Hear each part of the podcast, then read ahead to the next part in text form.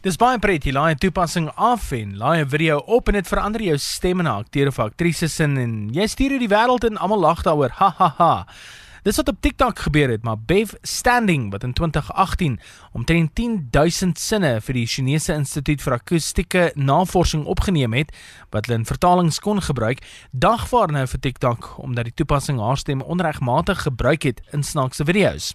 Standing sê dat sy nie 'n probleem het dat TikTok haar stem gebruik nie, maar dan moet hulle terhalwe daarvoor betaal. Dit is immers haar inkomste. Dit is die tweede hofsaak wat TikTok nou in die gesig staar na hulle laat in April ook gedagvaar is oor hoe hulle kinders se data hanteer.